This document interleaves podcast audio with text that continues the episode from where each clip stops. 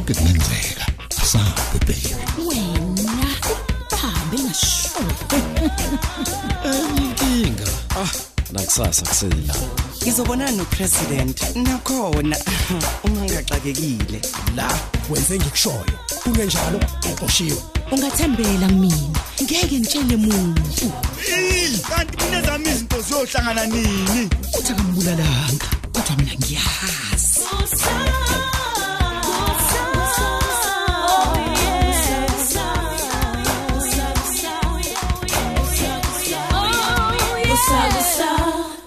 Episode 804 Thandeka, bengithi uyangethemba. ngiyakwethemba sisizakele Ngisho ungethemba ngokugcwele mina. ngisho khona namlokho Pho bungangitshela ingane ukuthi kanti wakwalala nendodana yami ngadi. eyi mina bengithi akuzukufikwa lapho in fact bengizomcela ngisho nanomenzi abe ngufakazi ngokuhlumeza kangqongqo ngoba naye umenzi wahlukunyezwa Awucabanganga ukuthi ungqonqo uzoveza noma yini ukungcolisa?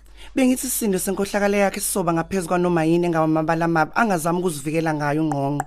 Heyi Bese ngishilo ukuthi credibility yami, isithunzi sami siyalimala ngoba ngizohluleka ukukuvikela ngamahlaza sobale ngizwe ngawo sengisenkantolo. eyi ungixolele sisi kodwa nje nabo banephutha mase bebuyisa wonke amawongo wongo lana. Hayi ngeke. Banife nje Akuwona mawongowongo ngoba they are building up a case yokuthi wena uyinto engathembekile. Kumanje nje thina simi kabi kuleli cala. hayi kodwa ngisakholwa ukuthi uma sengene nje kuzodwa kuzovela okuhlasimulisa kakhulu okwenziwa ungqongqo bese-ke nje konke Thandeka, okwamanje khulunywa ngobakho ubufakazi. Hayi bukazodwa. Asifuni ukuba imantshi ivumelane nommeli kangqongqo the wena unamanga. eyi angivumeke nje ukuthi imibuzo phela bengiyibuzwa ngempilo yami nongqongqo ingese ngabuye ngadidizela nje Akukho kwadlula ukuba wena uhlale eqinisweni. Ukhulume ngokuzethemba. ngiyakuzwa Imantshi yokwehlulela ngesisindo seqiniso olikhulumayo. hayi ngizozama ukuqina ngokuzayo Asiqaleke ukulungiselela ukuvela enkantolo okuzayo.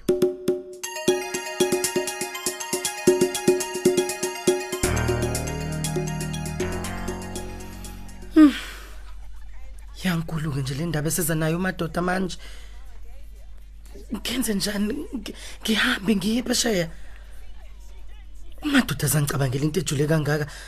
Uveza into nje mina engakaze ngiyicabanga ngisho nakancane njena kusobala nje ukuthi yena akaliboni ikusasa lami lapha edlula yiqiniso ukuthi nakimi abehli kahle ubuthongo ebusuku. Yebo ngisindile kubulaweni ngumankonkoni. Nalapha ngiyazi ukuthi impilo yami ayiphephile. Kodwa udaba lokuhamba ngilithula kanjani kumenzi?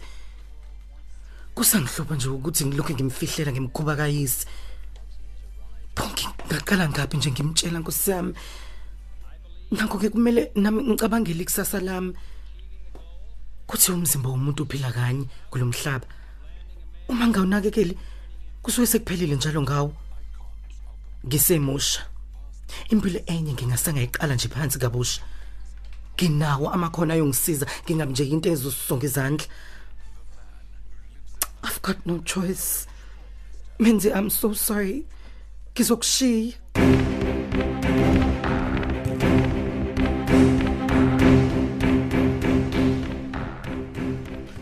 oh hey. Awuyelekani okwami madoda i noma sekwenzekile okungesana kuhlehla yazi kuba sengathi ngizombone sengena nje uma sibiye umkami. Hayi nakimi kunjalo baba. iyo. Kodwa sisale sesiqhubeka nje siqedela amalungiselelo okuyiphelezela intokazi kaSodoma. awu awu awu nozi ngabe ngiyaxola ukuba uthathe ukugula okujwayelekile awu awu awu Hayi baba yikona nje kukhuni kumina ukuthi ngixolele uwandile. Noma besola mina Hey. nje ngokufa kwakhe. wenozi yeke indaba yaleyo nje uyangizwa ukuthi ngithini? Sengathi ngabe ngithola ithuba lokumbulala kancane kancane. Ade eqotshwa nje ngocelemba nje. Kahleni kahleni baba nawe nozi kungasiza ukuba nje sisuse imiqondo kuwandile lo sheshe siqedele indaba yomsebenzi. Eh kona uqinisile usizodwa baba. asibonge nje ukuthi uma ubaba omncane nje benomanxele bezosithwalisa umsebenzi. Kodwa ke mayelana nesilwane ngibona ukuthi le nkomo engiyithengile izokwanela noma bebaningi abantu Ha Hayi, usebenzile. Soso. usebenzisile usebenzile sothola nokho nambe ngifisa ukufaka isandla ngomnikelo Hey kuzosiza kona ukuthi sihlanganise amakhanda nobaba omncane. Ukuze kungaphindwa nje abe sevele sebekuthengile. kanti nangalo nje uhlelo Yebo Thandeka. Kunjani zodwa? Oh, yisi sidididi sizama ukuqedela amalungiselelo. Hayi cha, isikhathi esinzima kithi sonke lesi. Hayi, ngilokho ngifisa ukuzwa phela ukuthi kuhamba kanjani enkantolo. Eh, zodwa kuumqanza. Ikakhulukazi nje umuntu oqala phela ukusonto ngamameli kanjena. Mm. Bengikushayela ukuthi angisho nje ukuthi phela ngikudinga ngempela manje. Hayi, ngizokwenza njani ke ngoba nalapha ekhaya uyabona Kodwa zodwa phela nawe uyazi ukuthi obakho ubufakazi budingeka kanani. Uma ungafiki kusasa nje lokho uzobe sededela ungadi. kunzima khona. Kodwa ngicela ukuba sibuye sixoxe. Hey, okay, kusheshwe ungithinteke sixoxe usuwedwa oh. Sizothintana ke, bye. Bye. wo hayi iyacosha indlebe usufuna ecaleni njalo? Yebo Nozi, ngesikhathi esinzima kangaka. uzokhetha phela wezodwa ndini ukuthi ikuphi okubalekile ku phakathi kwemisebenzi yala ekhaya nokuye enkantolo awu lezo noko kukhuluma senkantolo ngazo. baba kubalekile ngoba phela ilona ithuba leli lokuba umthetho wenza okufanele ngongqongqo. Angifuni ukuba siloku siphikisana sishoniwe la ekhaya yabo? Ngoba sizosuke sedlule. Niyangizwa ukuthi ngithini? Ngithi sengikhulumile.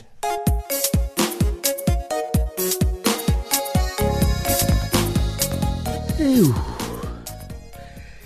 Sengisizakele ngathola indawo lapha esontweni ukufunda nokubhala bhala lokhu ke engiyokulungisela umsebenzi wami wangesonto elizayo. Cha ke empeleni sengingaqoqa. Ew. Sengibuyela kulo kusizi lokungayitholi indawo yokuzenza. Ngibonga khona ukuba bangivumele ukusebenzela lapha es- okwesikhashana.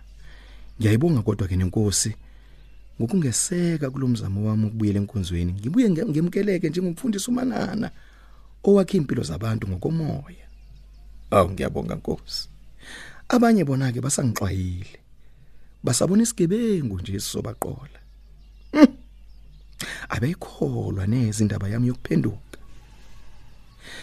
Ngibongeke nakho nje ukuthi abaphathi bamajele bangivumela ukuba ngiziqale lezi inhlelo zokuqhuquzela abantu nokuthuthukisa umphakathi noma phela abantu bese ingcosana kodwa ngiyakholwa ukuthi bazokhula egameni lenkosi Mm. Hello yebo mfundisi, usisinonkilo okhulumayo. oh amen eh ngajabula ukuzizwi lakho sisiwami niyaphila kodwa Awu kakhulu mfundisi. Mm, mm. Nawe uyazwakala nje Oh ukuthi yes, uqema. oh oh yes. Ngiyiwo ngomusa wenkosi. Kuseyikho nje kuyaluza ngifuna indawo yokufihla ikhanda. Ew, abantu basangixwaya sesinonke. Ey, uyazi ngishayela lokho nje. Aw madoda. Ukuthi phela nathi ey sinenkinga. Ngiyakuzwa. Nawe usuzwile ngazo. Mm. Hayi pastor sesizwile ngumsebenzi wakho. Mm. Ngakho ke cha sokuvulela elinye ikamelo. Oh, praise the Lord, praise the Lord, praise God. Oh, mkhulu Nkosi, siyabonga. Mm. Hayi, siyajabula nathi uma siphumelela ukukusiza. Aw ngiyajabula nami. Hayi ungakuhluphi ukuthi sike sangingabaza pastor. Akungihluphi lokho. Ngiyazi ukuthi izwe selafa. Pho ngingeza nini? Nanamhlanje nje. Oh! Amen.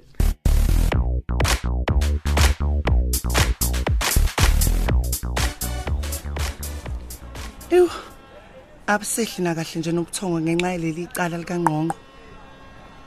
Yazi ngangithi kuzoba lula. Kanti nje cha. Kuzongiphendukela.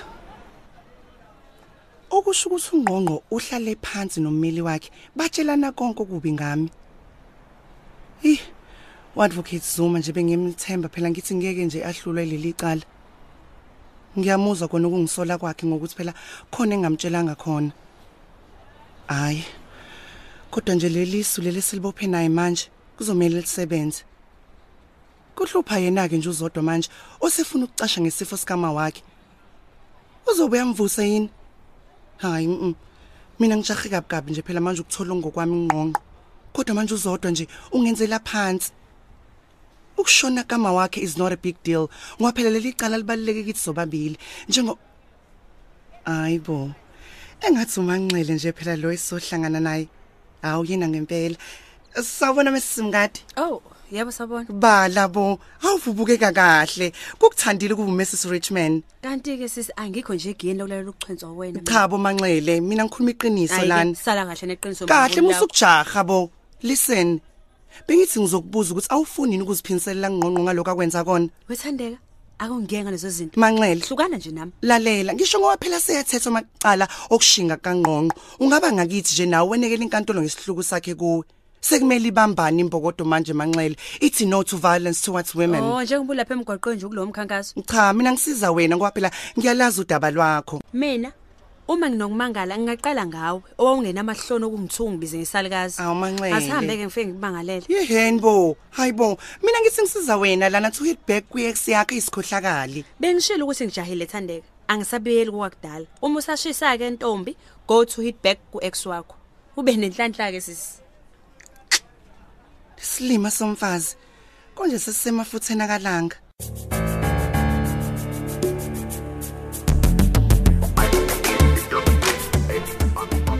Hey bafo. Sengathi khiphola unyunyawo ke namhlanje kitchen. Hayibo. Kukhonyawo lengilikhipha usakhile. Mina ngenza ukudla esihlale sikwenza nje. Eh bafa ngiyona ingane bafo. Ngiyazi ukuthi ufuna ukimpress ukhokho. Ah, anginacela phela ukukhiphela isivakashi unyawo. Bafo lesi sivakashi noma umuntu ozohlala la ekhaya. Yazi ke, ngiyabona lo mbuzo wakhe ngathi umumethe ukuthi awusamfuni ukhokho lapha. Hawu uyakwazi ukufunda ivaliwe lapho bafo. Na izolo ngilale ngivula ihlelo lodwa.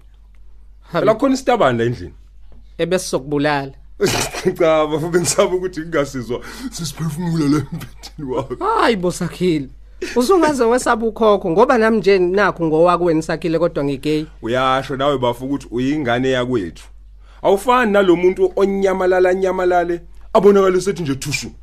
Singazi ukuthi uvelaphi, singazi nanokuthi ubenzani. Hayi hayi hayi sakhile ngiyakucela mfowethu. Indaba kakhokho yinde kakhulu. Akeke nje ngayiqala nokuyiqala indaba yokusinda kwakhe ekufeni. Ngicela nje ukuthi umnyeke aphumule. A- awusho phela bafo yena uyaphila kodwa noma usewumunci nje Imingcwi ayikudla ukudla okufana nalokho engikupheke lapha sakhile. hayi ke bafo ngizoyiyeka indaba kakhokho ngizoyiyeka nje kuphela uma nami uzongiphakela kuleso sibili boco sesiloje sipheka lapho Hayi kade kumuthanda. Ungasibhakela ungakafiki umuncu wami nje loyo.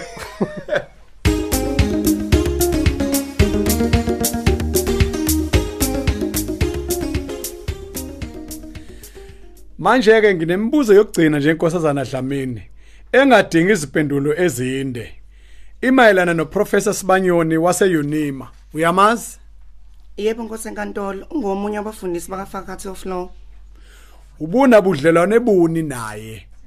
Well, bengumdlelwane bokathisha nomfundi. Angishadanga naye Nkosi enkantolo. Nkosazana Dlamini, asizile ukuzoncokola la. This is serious business. Ngiyaxolisa Nkosi enkantolo. Nginombhalo ofungelwe, iaffidavit, ovela kuprofessor Sibanyoni ongu exhibit FF usenawo umshushisi. Ngicela ngiphi copy nami. Kanti ke inkosi yenkantolo, uku volume 3 ekhasini 21. Kuleli khasi uprofessor Sibanyoni uthi unkosazana Dlamini wasebenzisa umbhalo womunye umuntu njengowakhe okuyi plagiarism. Kwathi uma esethi uzomjezisa uprofessor unkosazana Dlamini wathi angakhokha ngokuba balale. Angithi iqiniso leli inkosazana Dlamini?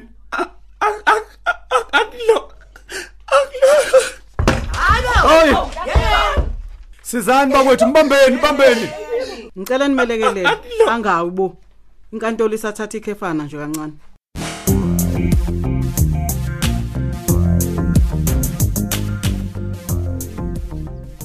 Hawu, uxole zodwa. Yazi bengithi ngizothola unozi la. Cha mama, usaphumile. Nakho kuyagijima, kukhona yini engakusiza ngakho? Hayi bengithi angibike nje ukuthi kunawo maloma sebefikile. Eh angazi ke phela. Mhlawumbe ke banganiswa khona lapha endlini yezansi la hlezi khona abanye amadoda. Eh, oh, oh, yazi ngike ngahlangana noThandeka. Wangicela ukuba nami ngiyoba ufakazi wakhe kulempa lenkantolo. Ngisola ukuthi niyabona ukuthi icala nimi- linimisa kabi manje. Ngicela ke siyeke yamacala. Usemningi ngabe umsebenzi engibhekene nawo. Phela ngisho ukuthi ubengeke azacele mina ukuba ngiyomeseka ukuba ngaba kulula. Useyedwa njengoba nawe uselapha nje. Bazonginika nami ithuba. Nakho ngisabambekile. Ukungayike wasekuza kwenu, phela abanye bazochaza ngokuthi wena ufuna ukuxega ubufakazi obulahla umngadi ukuze aphume. bengithe ake ungiyeke ngendaba kamngadi ngibhizi kabi. Eyi anginakukuyeka ngingahlambulukanga. Ukuthi wena angisakusola nje ungephuca umyeni wami. Akwephuca. Yebo wamnqomelana umngadi wazi ukuthi uyindoda yami. Yeheni ngisenkantolo enye lapha. Uhlushwa yini ngoba wena sesiwumndeni munye? Angithi usungumakoti wakwethu uphethwe kahle ujabulile usuqhakazile. Hayi lokho wakwenza kimi nje wena kukuhluphi. Akhona kuxolisa nje. Ngiyaxolisa ke. Bengazi ukuthi si- awu, kanti kawuthokomele la embusweni wakalanga. Inhliziyo yakhe sekumngadi awuyingani ke pho enkantolo ufike ubatshele bamkhulula umngadi wakho? Phela kanjalo isiqephu sethu sanamhlanje kanti ababhali bethu ngusinoxolo Duma, Christa Biyela, Eric Ngcobo, Dibiza Ntuli, Hlengiwe Shange kanye noNtando Kunene. Lo mdlalo uqoqwwe ngaphansi kweso lika Dolly Hadebe. Sicela uphinde usihlangabeze futhi ngokuzayo.